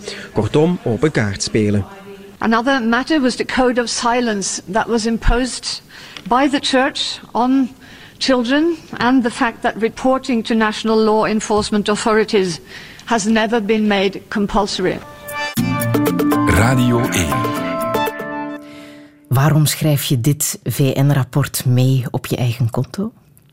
Dat doe ik voor alle duidelijkheid niet hoor. Ik overdrijf een beetje. is, Ik eh, overdrijf een is beetje. niet echt hetgene wat ik er zou bij bedenken, maar het is natuurlijk wel een feit dat ehm, het VN-rapport, wanneer u het lezen, dat daarin eh, nogmaals de bevestiging komt van datgene wat zoveel slachtoffers aan mezelf verteld hebben, wat we inmiddels allemaal wel een beetje weten. Maar als dat dan eh, naar buiten komt van een dergelijk gezagrijk orgaan, dat dergelijke duidelijke taal spreekt, ja, dan is dat een, eh, een, een echte erkenning naar de slachtoffers toe. En dat is natuurlijk wel echt heel nodig en dat kunnen ze niet genoeg krijgen, enerzijds. Plus, het is ook een echte versterking voor eh, de zaak die we aan het voeren zijn voor de rechtbank. Omdat dat natuurlijk, wanneer zij op basis van eigen onderzoek dergelijke conclusies treffen, ja, wie zijn dan anderen om te zeggen van dat is allemaal niet echt waar en niet echt gebeurd. Ja. Wim de Vilder noemde het nooit gezien, maar toch vind je dat daar mm, te weinig aandacht voor is geweest voor eh, dit VN-rapport. Wel, het is waar dat het nooit gezien is. En ik vind persoonlijk dat het weinig eh, navolging of commentaar gekregen heeft. Het is sterk uitgedrukt bij die nieuwsuitzending. Maar het heeft eigenlijk weinig navolging gekregen. En ik denk eh, dat het goed waren geweest dat het ook in eh, bredere context besproken zou geworden zijn, ook in de media. En dat het de, nood, de aandacht kreeg die het eigenlijk echt verdiende. Want dit is een mijlpaal. Eh, niet alleen in de zaken die wij doen voor de rechtbank, maar naar elk slachtoffer. En het is ook een eh, bijzonder ehm, tekenend feit voor de periode eh, die de kerk achter zich heeft, mogen we hopen. Dus het is echt wel uitermate relevant wat dat betreft. Jullie hebben zelf eh, ook de Heilige Stoel en de Belgische bisschoppen voor de rechtbank in eerste aanleg in Gent Mhm. gedaagd. Een zogenaamde groepsvordering of Ja. class action. Die zaak werd eerst nietig verklaard. Nu zitten jullie in, in hoger beroep. Steunt dit VN-rapport jullie nu extra? Eh, geeft Mhm. jullie dat extra moed om, om door te zetten? Ehm, het is zo dat eh, de zaak werd afgewezen in eerste aanleg, inderdaad. En dat dit stuk absoluut een belangrijk bewijsstuk zal eh, vormen. Maar qua moed heeft het ons nooit ontbroken. Nee? Nee, zeker niet. Omdat de zaak eigenlijk strikt genomen zonneklaar is. Wanneer iemand doelbewust en blijvend herhaald schade aanricht aan hetgene wat ons allemaal het dierbaarst is, namelijk kinderen wiens integriteit, seksuele integriteit, op schandalige wijze is aangetast geworden, dan weet je dat daar normaal gezien ook een juridisch gevolg moet kunnen aangegeven worden. En dat bijvoorbeeld immuniteit eh, van een eh, Vaticaan bijvoorbeeld, ja, dat normaal gezien ons rechtssysteem in staat moet zijn om recht te laten geschieden. En dat betekent eh, de verantwoordelijkheid te leggen bij diegenen die ze werkelijk dragen en gedragen hebben. Dus als zodanig moet, ik zeg het, dat is nooit hetgene wat ons eh, ontbroken heeft. Het is waar dat het geen gemakkelijke strijd is geweest en dat velen gezegd hebben van waar begin je aan eh, tegen de kerk? Dat is natuurlijk David tegen Goliath. Maar de kracht en de macht van het getal heeft hier wel gespeeld. Door het feit dat we op de duur met zoveel waren, eh, heeft dat extra moed gegeven. En hebben we gezegd van goed, ja, die zaak moeten we doen. Ten andere, het is ook niet zo dat eh, wij de enige zijn die de kerk op dat vlak in haar verantwoordelijkheid en aansprakelijkheid aanspreken. Het is wel zo dat het Vaticaan als dusdanig, als hoogste beleidsorgaan, gezagsorgaan, nog niet eh, echt in rechten is aangesproken. En dat is wel misschien speciaal, maar daarom niet minder aan de Mm. Twee weken geleden ehm, werd bij ons operatie Kelk afgerond. Wat, wat, hoe staat het daar nu mee? Wat, wat gaat er nu gebeuren? Wel, dat betreft de, de strafzaak die in Brussel loopt. Eh, Het gaat over de individuele klachten van slachtoffers tegen hun plegers, enerzijds, maar ook schuldig verzuim. Hè. Het niet verlenen van bijstand, bij- van bijstand aan mensen van wie je weet dat ze in nood zijn en daardoor eventueel verdere schade eh, kan veroorzaakt worden. Eh, die zaak is in een eerste fase afgerond. Het onderzoek is afgerond, wat betekent dat wij nu kunnen kijken in welke mate er bijkomend onderzoek mogelijk noodzakelijk zou zijn. En dan gaan we zachtjes aan, hopen we, naar de rechtbank te gronden. Ja, het is een heel lange strijd. Hè, Ja, die, eh, absoluut. die Ook vanwege de veelheid van de klachten natuurlijk. Hè. Het is Mhm. een hele klus. Maar tot nader order hebben we alle reden om eh, te denken dat dat zeer zorgvuldig zal gebeurd zijn. Voor wat we ervan van gezien hebben, is dat met grote zorgvuldigheid eh, gebeurd. Je hebt zelf eh, meer dan 140 slachtoffers gesproken. Kan jij nu zeggen wat jou daarin het meest heeft geraakt? Het meest geraakt eigenlijk is ehm, de pijn die je ziet eh, bij alle mensen en de impact die dat soort zaken op hen gehad heeft. Want we mogen niet vergeten, we spreken over feiten van eh, seksuele aanranding en verkrachting op kinderen. Hè. Dat zijn nu, die, slachtoffers zijn nu allemaal volwassenen. En het is belangrijk om terug te gaan naar de tijd eh, waar die feiten gebeurd zijn. En dat gebeurt naar aanleiding van een foto die ze je voorleggen van een plechtige communie of van een klasfoto, waar je ziet van kijk, eh, dat ben ik daar op de derde rij en de pleger is de man die daar aan het eind van de rij staat, de klastitularis of weet ik wat.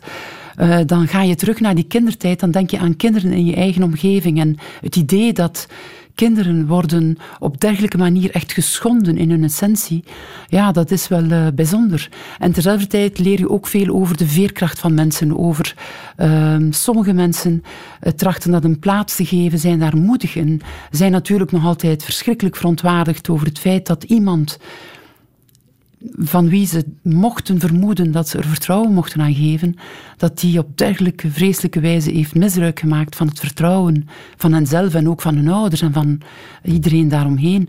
Ja, dat is wel allemaal zeer confronterend. Ik denk de impact is niet in te schatten. Het op dat vlak allemaal geschokt worden in het basisbestaan, als we dat plaatsen tegenover iemand die liefdevol en ongeschonden mag opgroeien in een liefdevolle omgeving, ja, dat is, dat is een andere wereld.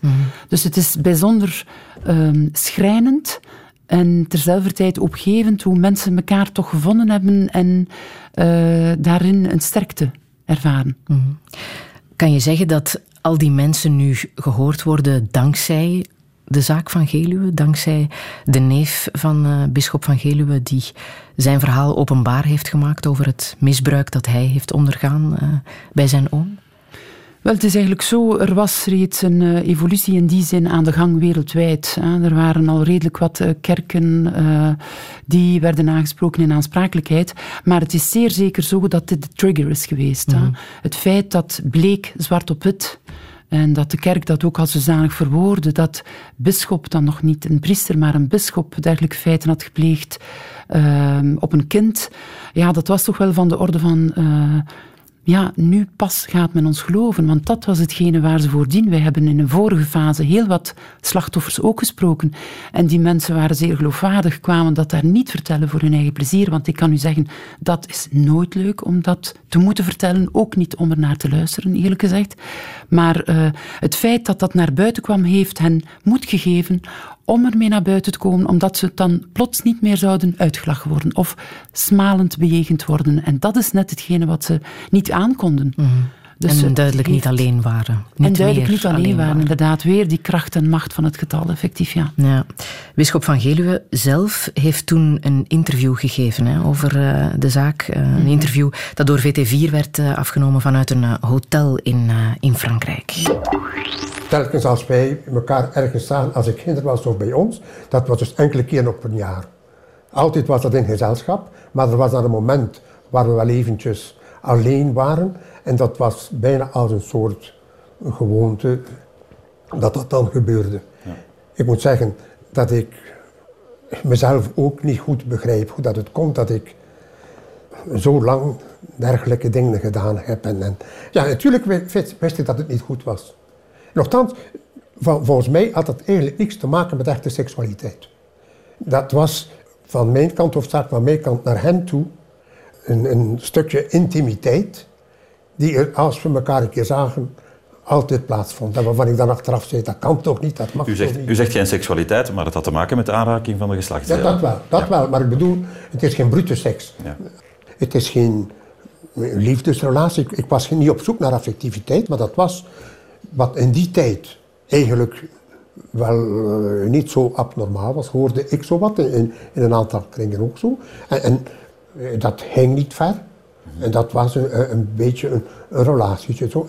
In die beginperiode, toen een ander neefje bij mij sliep, is dat ook een beetje gebeurd, want het is vrij vlug gestopt. Touché. Christine Mussen, jij verdedigt de neef van, van Geluwe, zijn, zijn slachtoffer. Maar is Van Geluwe zelf ook een slachtoffer? Een slachtoffer is misschien een moeilijk woord in die context en wordt mm -hmm. ook niet graag gehoord door uh, de mensen. Uh, ik weet niet of ik het zo kan uh, formuleren, maar dat het iemand is die kampt met een zwaar probleem, zoveel is duidelijk. En of hij daar zelf voor gekozen heeft, daar denk ik dat het ook moeilijk is om daar een antwoord op te formuleren. Maar natuurlijk, wat hij ermee gedaan heeft met die geaardheid, die duidelijk uh, onaanvaardbaar is en bijzonder schadeverwekkend, uh, ja, dat is natuurlijk wel eventueel op het eigen konto te schrijven. Dus uh, op dat vlak denk ik dat de man echt wel getuigt ook in dit fragment van een zeer zieke uh, geest die werkelijk niet meer uh, contact of geen contact meer heeft met de realiteit.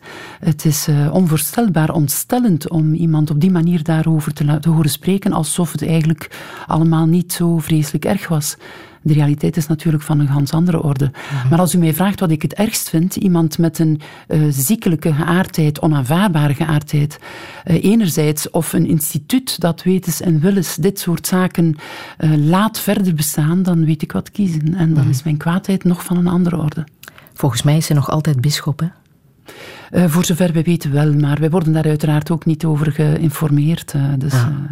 ja. Dat is ook een proces dat al te lang duurt. Al is het maar omdat erkenning en duidelijke stellingname door de kerk eh, zo nuttig is naar, ook niet alleen naar de slachtoffers toe, maar ook naar zoveel mensen van de kerk die niets te maken hebben met dat soort feiten. Ik vind het altijd zo jammer dat dat dan allemaal over dezelfde kam wordt geschoren, dat er geen duidelijke duiding en onderscheid wordt gemaakt door het instituut zelf. En dat is nu voor het eerst met Franciscus eh, zitten we in een andere eh, flow en dat is maar goed ook, lijkt mij. En laten we hopen dat die man op de ingeslagen weg verder gaat en zijn kop durft uitsteken, want dat blijkt nogal wat te zijn binnen dat instituut. Van Geluwe heeft zich teruggetrokken in het verborgene. Weet jij waar hij zit momenteel? Nee, en daar zijn we eerlijk gezegd ook niet mee bezig. Eh, Dat is een van de zoveel gevallen. eh, eh, nee, dat is iets wat wij ons eigenlijk niet afvragen. We hopen dat hij tot inzicht gekomen is, dat is belangrijk.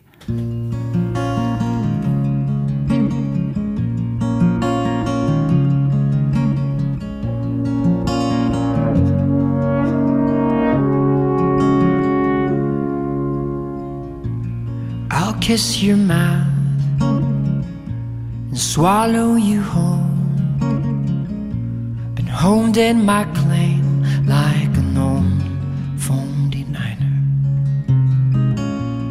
Wayward and skinny for dust in the moon from that honing water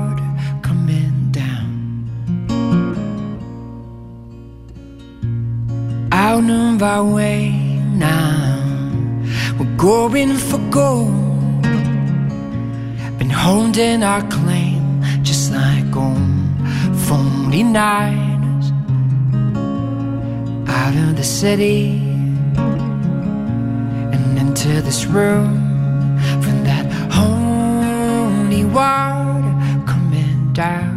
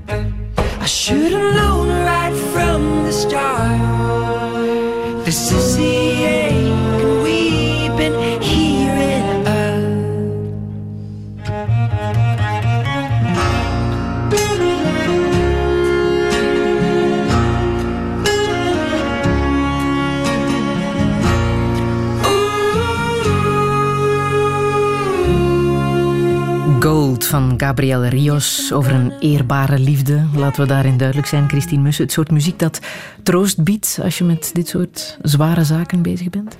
Ja, zeker. Het brengt je echt wel eh, even in een andere wereld. En ik vind eh, de klank eh, prachtig, zowel van zijn stem als van de muziek. Ik vind het een prachtige compositie. En ik vind hem ook als persoon eh, echt wel heel bijzonder. Eh, Iemand met visie, eh, grote authenticiteit, passie, bescheidenheid ook. Echt zoeken naar zichzelf vind ik een mooie tocht. En heeft New York terug verlaten voor Gent. Ja, De juiste richting? Lijkt me wel. Lijkt me wel. De politie waarschuwt voor een loslopend paard op de buitenring rond Brussel in Tervuren. Daar extra opletten. En er is ook een dood dier gevonden op de E40 van Gent naar Brussel tussen Ternat en Groot-Bijgaarde op de middenrijstrook. Verder een defect voertuig op de buitenring rond Brussel in Wemmel op de rechterrijstrook. En door werken gaat het traag richting Hasselt op de E313 tussen Geel-West en Geel-Oost. 40 minuten vertraging daar. Van west naar oost rij je beter via Brussel. Richting Brugge is het aanschuiven op de E403 tussen Torhout en Ruddervoorde. Touché. Christine Mussen, ik wil het even hebben over het nieuwste boek van Jeroen Brouwers. Op 9 oktober verschijnt dat. Het Hout heet het. Hij vertelt zelf even waarover het gaat. thema en ook de inhoud ervan gaat over het seksuele misbruik van kloosterlingen in jongenspensionaten. Dat onderwerp kwam opeens in de krant. Mij was dat vertrouwd. Ik heb ook op, op die pensionaten gezeten als jongetje van, van tien. Mij persoonlijk is niets, niets overkomen hoor in, in seksuele zin. Maar het gerucht zweefde daar. Hè. Was, was aanwezig op die speelplaatsen en in die klassen en zo. Maar een roman erover kende ik niet. Die ga ik dan schrijven. Bekeken vanuit de ogen van een van die kloosterlingen. Die helemaal deugde hoor. En dus een van die kloosterlingen die dat wist van, van, zijn, van zijn collega's. Maar bleef zwijgen. En eh, het gaat over dat zwijgen. Dat is tenslotte een soort lafheid. Hè? Touché. Dat zwijgen is een soort lafheid. Zijn we allemaal mee verantwoordelijk voor eh, de omerta die heeft bestaan rond dat seksueel misbruik in de kerk? Ja, dat denk ik wel. Ehm, het is natuurlijk wel zo dat het een eh, heel apart eh, thema is. Het gaat over seksualiteit. Dat is eh, zeker in vroegere tijden was dat al moeilijker bespreekbaar. Het misbruik gebeurde in de grootste geheimhouding. En er was ook vaak het machtsaspect wat speelde. Hè? Want met dat soort zaken naar buiten komen was niet evident. En dat vergoelijkt natuurlijk het zwijgen niet. Maar het legt het wel een deel uit. En ook daarom maak ik een groot onderscheid tussen mensen die gezwegen hebben uh, vanuit een positie waar spreken toch wel echt niet evident was. En anderzijds een beleid dat er juist op toezag dat er over gezwegen werd. Dat is natuurlijk nog van een andere orde. Als gezagshebber uh, bepaalde richtlijnen uitvaardigen waar gezegd wordt van daar moet de eeuwige stilte over blijven zweven en het is absoluut verboden om daar iets over te zeggen, dat is natuurlijk van een andere orde. Dus in die zin, daar maak ik ook het grote onderscheid. Uh, als men dat wetens en willens installeert, uh, is het iets anders dan een gewone sterveling of een medebroeder die niet goed aan uh, wist wat ermee aan te vangen. Daar heb ik in een bepaalde mate begrip voor, omdat die mensen waren ook allemaal ergens uh, toch wel beïnvloed door de situatie waarin ze zaten en ook hun eigen positie kon mogelijk in het gedrang komen. En dan kan men dat laf noemen, maar men moet toch ook altijd kijken naar de concrete omstandigheden waar die zaken in gebeurd zijn. Dus ik vind het allemaal niet zo zwart-wit, tot op het niveau dat het gaat over mensen met verantwoordelijkheid daar moet ik zeggen, voel ik uh, bijzonder weinig uh, clementie. En uh, daar ben ik wel echt kwaad voor, omdat ik vind van dit, is, dit was zo erg. Mm -hmm. En dat een kerk die het dan moet hebben van uh, moreel gezag en van uh, ja, de zwakkeren helpen en bijstaan, tot zoiets in staat is geweest, dat vind ik werkelijk ontstellend, telkens maar opnieuw als ik eraan denk. Dat boek van uh, Jeroen Brouwers, Het Hout, dat dus op 9 oktober verschijnt, zal allicht het eerste zijn dat echt over die materie gaat. Mm -hmm. Helpt fictie om dit soort zaken beter te begrijpen? Um, ik kan alleen voor mezelf spreken, maar uh, ik denk dat ik het moeilijk zal hebben om zoiets te lezen. Ja? Ja. Omdat het uh, iets te dichtbij komt dan, ja. Um, ik ga die sfeer niet opzoeken als het niet nodig is. Je bent vaker het... meer geraakt door het fictionele dan, over de, dan de realiteit. Blijkt ja, ook bij Sophie's Choice. Ja, inderdaad, omdat ik weet dat de realiteit uh, al zo zwaar is. Dus ik ga het niet onnodig gaan opzoeken. Uh, ja, dat is iets waar ik voor mezelf een beetje voor bescherm. Als het uh, professioneel uh, nuttig is om daarnaar te luisteren, zal ik dat uiteraard met zo groot mogelijke aandacht doen. Maar zoiets lezen, ik ben er een stukje in begonnen, in het boek van het hout. En uh, ik moet zeggen, ik voelde al een zekere terughoudendheid van oeh, ga ik dat nu ondergaan? Want zoals ik al zei, ook uh, niet alleen bij een film, maar ook bij een boek ga ik er echt echt wel op in en op. En eh, dat is toch wel eh, altijd een stuk iets wat mij eh, kan echt bezwaren en eh, mij meenemen. En, ja, Ja, voilà. ja, ja, je zou kunnen denken, het, het helpt om dingen beter te begrijpen en het is misschien draaglijker omdat het fictie is. Ehm, Ja, ik denk, eh, ik heb inderdaad met, eh, om exact te zijn, 142 mensen gesproken die het meegemaakt hebben. En dan krijg je wel een beeld, omdat het uiteindelijk altijd eh, een soort eh, zelfde rode draad is die weerkeert. Dus wat begrijpen betreft, denk ik dat ik al iets heb kunnen verwerven. En ik zei het, ik ga het niet, als het niet echt noodzakelijk is, zal ik het niet opzoeken. Wat jullie doen op het kantoor, waar je samenwerkt met onder andere Walter van Steenbrugge, is mensen samenbrengen. Hè. Jullie noemen het het Forensic eh, Competence eh, Center. Wat is dat precies? Wel, dat is een, ehm, een samenkomst eh, om de zes weken, als het enigszins lukt, met een aantal experten vanuit verschillende ehm, hoeken. We spreken dan over een psychiater, een psycholoog, een filosoof, een communicatiedeskundige. Eh, al dat soort mensen samen ehm, leggen we een bepaalde casus voor. Een casus die ons bezighoudt, waar we onderling al over gesproken hebben, waar we zeggen van kijk, is dat geen aspect dat nog verdere toelichting verdient?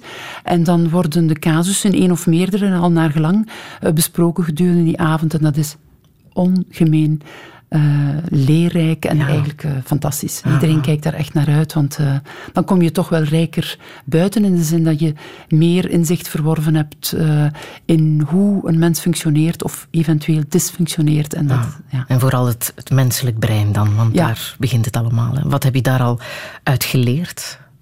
Wel, het menselijk brein is een deel van de zaken die besproken worden, maar eh, het is zo dat, eh, zoals ik daarnet al zei, onder andere Jan Verplaatsen eh, stelt van ja, de vrije wil is eigenlijk een illusie, die bestaat niet, schrijft hij met zoveel woorden. En zoals ik ook al zei, strafwaardigheid ehm, is toch wel verbonden met de verantwoordelijkheid die je kan toeschrijven aan die individu die een misdrijf pleegt. En het hele onderzoek daarnaar ehm, is ook op het vlak van het brein zeer interessant.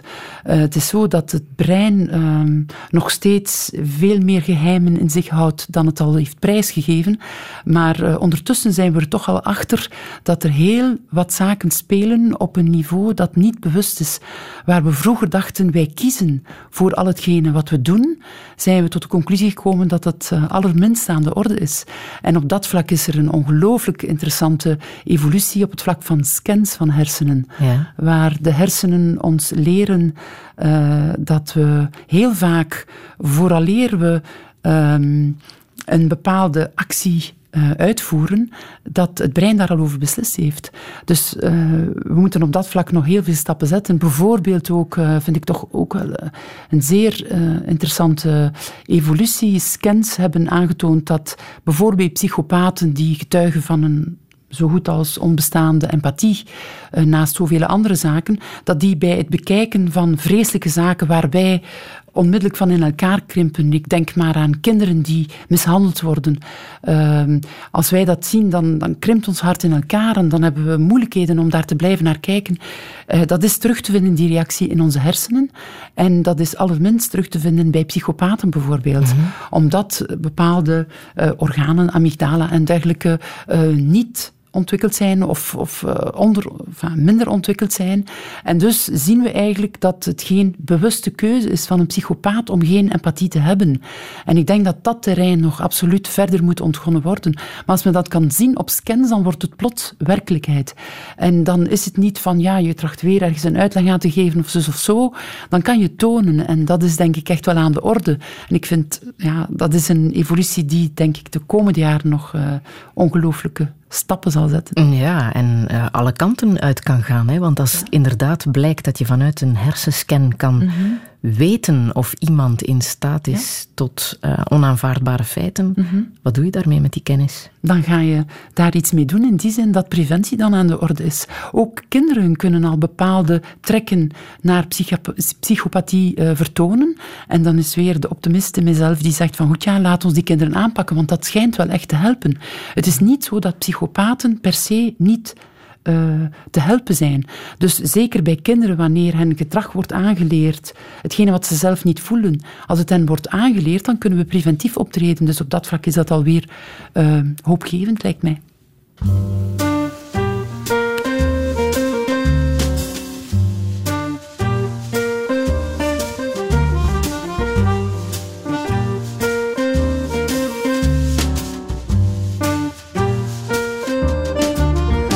Rivedo il film della mia vita mentre sto suonando la fisarmonica. Rivedo te col tuo sorriso, sempre innamorata della mia musica. Eri giovane tu, ero giovane anch'io. Ho vissuto con te come in un film la vita mia. Ritorna ancora gioventù, gioventù, gioventù, trovarmi accanto a lei è così che vorrei, la mia felicità era lei, solo lei, sentire i baci suoi con i miei, con i miei.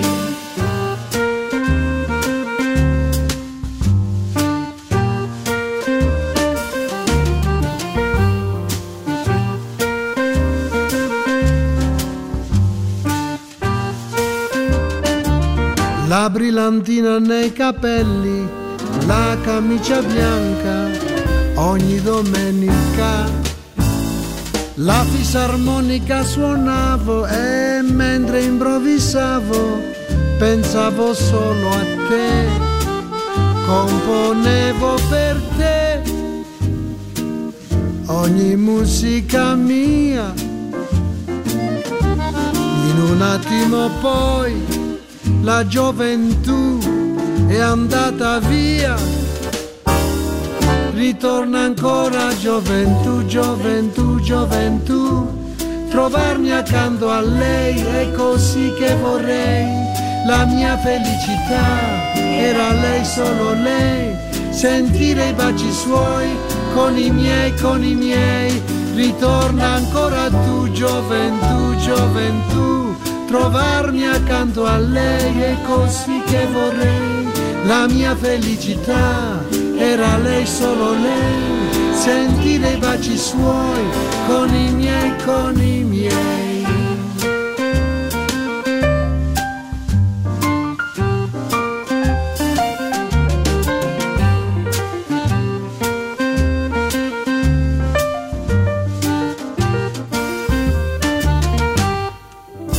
Gioventù, Gioventù, Rocco Granata over zijn jeugdjaren in het Italiaanse Calabrië.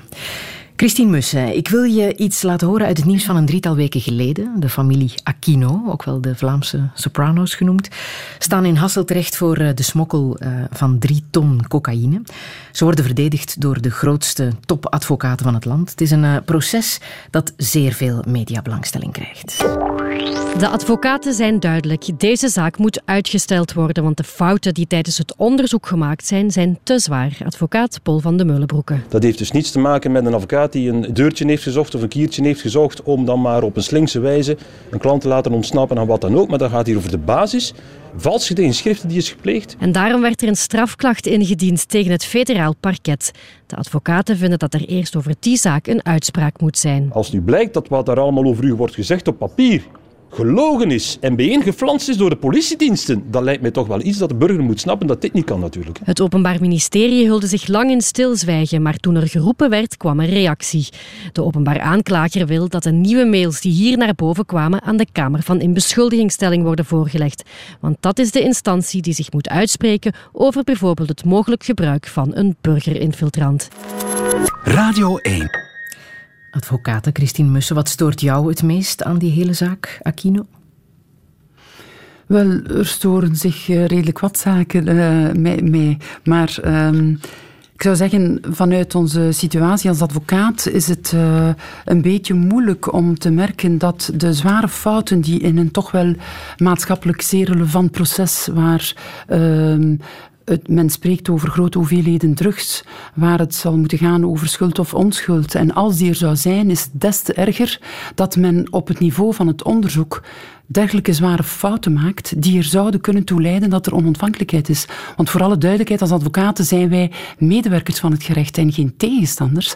Maar natuurlijk, er bestaan procedureregels en de perceptie van ja, die mensen hebben het wel degelijk gedaan en dergelijke, dat is allemaal ehm, weinig aan de orde. We moeten de procedures volgen die de, eh, door de parlementariërs zijn gestemd geworden. En als dat gebeurt, en dat zou als effect hebben dat de zware fouten die hier zouden gebeurd zijn, ik mag natuurlijk over de zaak zelf niet veel zeggen. Want jullie Zeker verdedigen niet. familie Wij Aquino, hè? zitten ook inderdaad, niet de familie Aquino, maar eh, een andere persoon met een blanco strafregister even terzijde gezegd, want dat wordt ook eh, altijd nogal over dezelfde kam geschoren. Maar de essentie is dat wanneer er geen dergelijke fouten zouden gemaakt worden, dan zou er ook geen onontvankelijkheid kunnen op volgen. Dus het zijn diegenen die wetend waar ze mee bezig zijn, een dergelijke zware terugvangst mogelijk, die zo'n verantwoordelijkheid dragen en die aan de basis liggen van eventueel het volledig opzij schuiven van die zaak. Met alle middelen. En het is ook zeer eh, ergens wraakroepend, denk ik, voor zoveel andere politiemensen undercovers, die volledig volgens het boekje hun werk jaren aan een stuk doen. En dan wordt men geconfronteerd, klaarblijkelijk, met mails, tenzij die vals zouden zijn, maar daar hebben we eh, zeker en vast niet het idee over, want het Openbaar Ministerie zegt dat ook niet. Maar eh, dan zien we dat mensen volledig het boekje te buiten gaan. En dan is men kwaad op de advocaten die het aanbrengen, wat natuurlijk een absolute plicht is. Daar is zelfs geen discussie over. Wij zouden eh, beroepsaansprakelijkheid riskeren mochten, we het niet doen. De klemtoon moet liggen, waarom worden dergelijke fouten gemaakt in gelijk welke zaak, maar zeker in een zaak met dergelijke zware maatschappelijke impact. En die verantwoordelijkheid moet komen vast te staan en die moet ook gedragen worden door de personen die eh, de fouten hebben gemaakt, lijkt mij. Veel eer dan hoe erg is het dat zo'n familie, en als zo'n familie dan op, dergelijk, op basis van dergelijke fouten zou ontsnappen, eh, dan is dat een zeer zware prijs die de maatschappij naar geheel moet dragen vanwege ontoelaatbare fouten. Dat denk ik dat eigenlijk aan de orde is. Het zijn twee zaken die je gescheiden eh, wil houden. Het is niet zo dat de regels belangrijker zijn dan de gepleegde feiten. Uiteraard, ja, dat is eh, evident, absoluut. Ja. Ja, je zit daar echt wel op je paard. Hè? Is dat iets dat ook leeft binnen de advocatuur? Eh, want dit is nu echt wel een duidelijke uiting, hè? eh, dat, dat advocaten niet gelukkig zijn. Wel, eh, wat ik ook weet vanuit de media, eh, de fouten schijnen flagrant te zijn, schijnen eh, eh, jaren aan een stuk eh, aangehouden geweest te zijn. Dus men heeft dat blijkbaar doelbewust gedaan. En dan stel je je toch wel de vraag, is hier echt geen misbruik van macht? En velen zeggen van wel, want de macht van de pen is niet te onderschatten. En wanneer men het bestaat om, zoals mevrouw in de herberg daarnet zei, de KI moet daarover beslissen, maar de KI heeft al beslist over dat dossier. Alleen heeft de KI die informatie nooit gekregen. Dus dan is het echt wel ehm, eigenlijk boerenbedrog, zegt men daartegen, denk ik. En dat maakt je wel kwaad natuurlijk, ja. En dan denk ik dat de kwaadheid die we eh, voelen in de maatschappij, waar ik alle begrip voor heb, hè, want laat het duidelijk wezen, eh, niemand kan ervoor zijn dat eh, drugscriminelen zouden ongestraft zijn. Maar de reden waarom dat mogelijk zal gebeuren in deze zaak is allerminst te vinden bij de advocaten en zeer zwaar wel bij de verantwoordelijken die onder het mom van een eh, correct onderzoek dergelijke zaken hebben gedaan. Ja. Sinds 1 april is justitie hervormd. Of, Mhm. Daar is nog altijd, eh, daar wordt aan gewerkt. Gaat het de goede richting uit? Wel, eh, er zijn zeker en vast tekenen van, van wel, maar wat denk ik een beetje ontbreekt is een, een overkoepelend beleid. Er eh, worden al te vaak steekvlamwetten gestemd. Eh, hier en daar blijkt een probleem, dat wordt dan eventjes verholpen. Maar de grote lijn, de visie, het beleid als dusdanig, denk ik, krijgt op vandaag te weinig aandacht. En dat heeft ook te maken met het feit dat ja, eh, een minister eh, blijft heel vaak ook bij justitie eh, te kort aan om een echt beleid uit te stippelen. Ik denk wel dat er redelijk wat goede wil is. Maar natuurlijk, politieke wil moet er zijn, de middelen moeten er zijn in deze, in deze eh, zware tijden. Dus er is nog echt heel wat werk aan de winkel, denk ik. En een snelle wissel van ministers, dat is voor de rechtspraak geen goed. Dat denk punt. ik zeker. Dat moet echt ook lastig zijn voor de mensen binnen justitie. Die moeten werken met te weinig middelen en die te weinig steun ervaren van eh, de maatschappij als zodanig eigenlijk.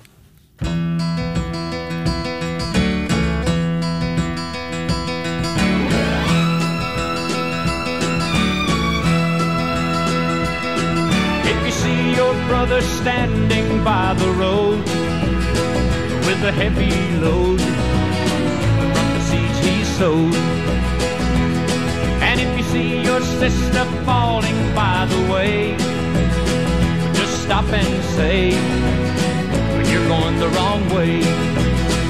You've got to try a little kindness. Yes, show a little kindness.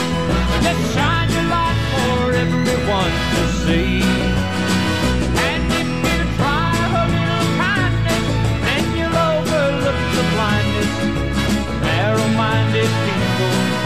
The narrow-minded streets.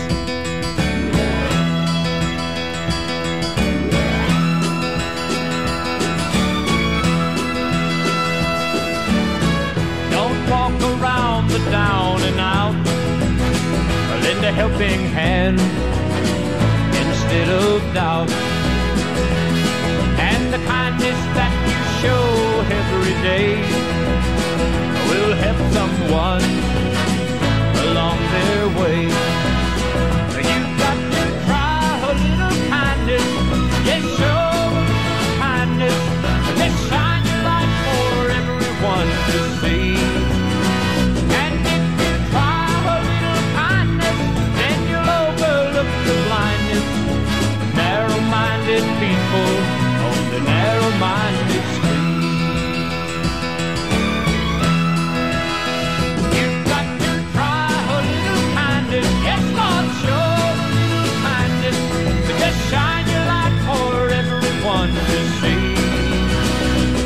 Glenn Campbell en Try a Little Kindness. Christine Mussen, sluit dat aan bij jouw levensmotto?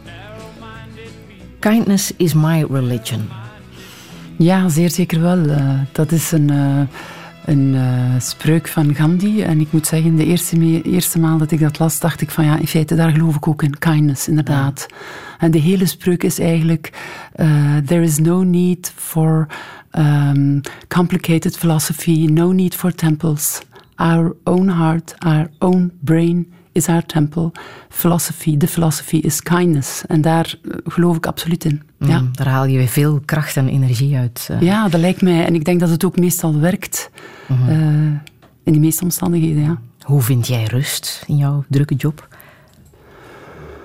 Oh, de meeste ontspanning vind ik eigenlijk met mijn kinderen. Dat is eh, het allerheerlijkste. Dat is mijn dagelijkse therapie. Ze minstens eens per dag horen en hen leven volgen. Ja, lezen is natuurlijk ook wel echt eh, iets wat ongelooflijk ontspant. En dan eh, buiten zijn, de natuur vind ik ook iets ongelooflijk... eh, ja, daar kan ik echt versteld van staan. De schoonheid van de natuur is iets wat mij ook ongelooflijk tot rust brengt. Je noemt dat zelfs je favoriete kunstwerk. Ja, dat is ook waar. Ja. En de kinderen, zijn ze jou gevolgd ondertussen?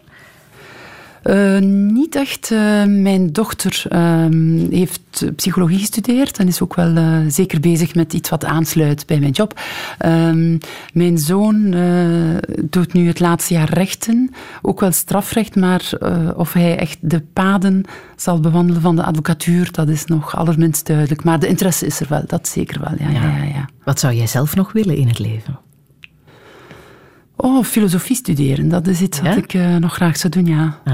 Als ik eh, iemand bezig hoor, zoals eh, Etienne Vermeers overlaat bij de voorstelling van een boek van Dirk Verhofstadt van Beccaria, gaat over ehm, een verlichte geest, eh, Beccaria, die toen reeds de lijnen uitzette van wat het strafrecht op vandaag, vandaag betekent. Ja, daar sta ik wel van te kijken. En dan die invulling van eh, professor Vermeers, moet ik zeggen, nou, dat vind ik wel echt straf en dat eh, kan mij blijven boeien, moet ik zeggen. Ja. Ah. Welke boodschap zou je hier nog willen meegeven? Boodschap is een groot woord, maar eh, ik ehm, denk terug aan mijn vader, waar hij zei van eh, in de magistratuur en in het onderwijs moeten de beste mensen zitten. En dat vind ik zo waar. Magistratuur, daar heb ik nu zelf mee te maken. Ehm, daar is het eh, de beste mensen, daarmee legde hij ook echt de, de nadruk op mensen. Hoe, hoe je bent als mens betekent ongelooflijk veel. Je hebt natuurlijk de skills nodig, maar hoe je in het leven staat is toch wel uh, zeer bepalend voor de manier waarop je je functie ook uitoefent. En in het onderwijs natuurlijk, uh, dat is onze toekomst. Zij zijn bezig met onze toekomst, moeten ook kwaliteitsvolle, gedreven, blij liefst mensen zijn die niet uh, iemand die een beetje eruit springt op een of andere manier, de kop indrukt, maar dat net aanmoedigt. Ik vind dat dat zeker iets, gebeurt, iets is wat gebeurd is uh, in mijn jonge jaren, waar er uitspringen, al was het maar door mijn grote, ja. soms werd aangegrepen om daar crisis mee om te gaan. Ja, dat vond ik heel lastig. En ook het anders doen, uh, iets anders bedenken of een beetje onconventioneel de zaken benaderen. Hoe vaak is het niet dat artiesten zeggen van kijk, ik heb de liefde, of artiesten of schrijvers, of, of allee, ook, ook schrijvers zijn artiesten, maar mensen die in hun vak iets hebben verwezenlijkt, verwijzen zo vaak naar een leraar of een lerares die hen de liefde voor het vak heeft bijgebracht. Ja, dan denk ik van laat ons daar toch in investeren. Mm. En het zijn ook twee plekken, zowel justitie als onderwijs, als opvoeding, ja. waar je streng moet zijn uit liefde. Ja, absoluut, absoluut. Ja, mm. helemaal akkoord. Absoluut. Zullen we nog luisteren naar Leonard Cohen? Mm. Uh, Dance Me to the End of Love. Waarom? Ja, dat is ook een, uh, een lied uh, waar de warmte en de zachtheid je als een teken overvalt en waar je niet onbewogen kan bij blijven, vind ik. Dat Letterlijk, is want je danst ja. graag, hè? Ja, inderdaad, dat is zo. Heel graag.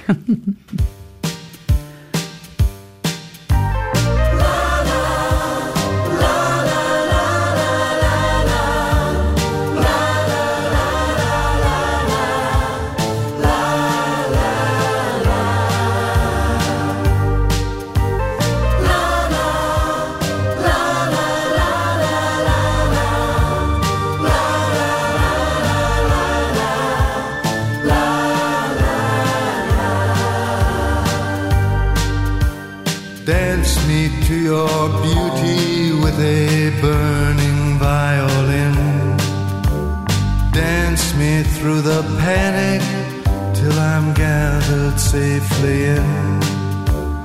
Lift me like an olive branch and be my homeward dove. Dance me to the end of love. Dance me to the end of love. Oh, let me see your witnesses are gone. Let me feel you moving like they do in Babylon. Show me slowly what I only know the limits of. Oh, dance me to the end of love. Dance me to the end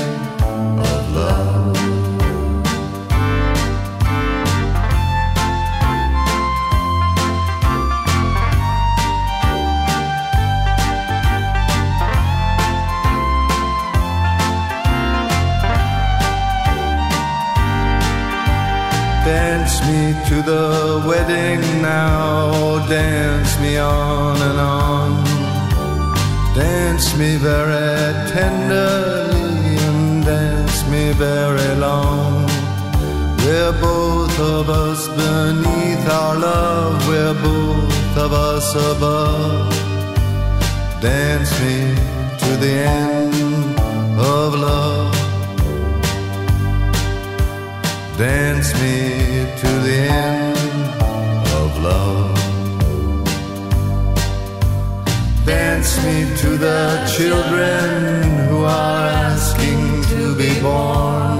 Leonard Cohen en Dance Me to the End of Love. Christine Mussen, ik wil je ongelooflijk bedanken voor dit uh, heel fijne gesprek. Touché.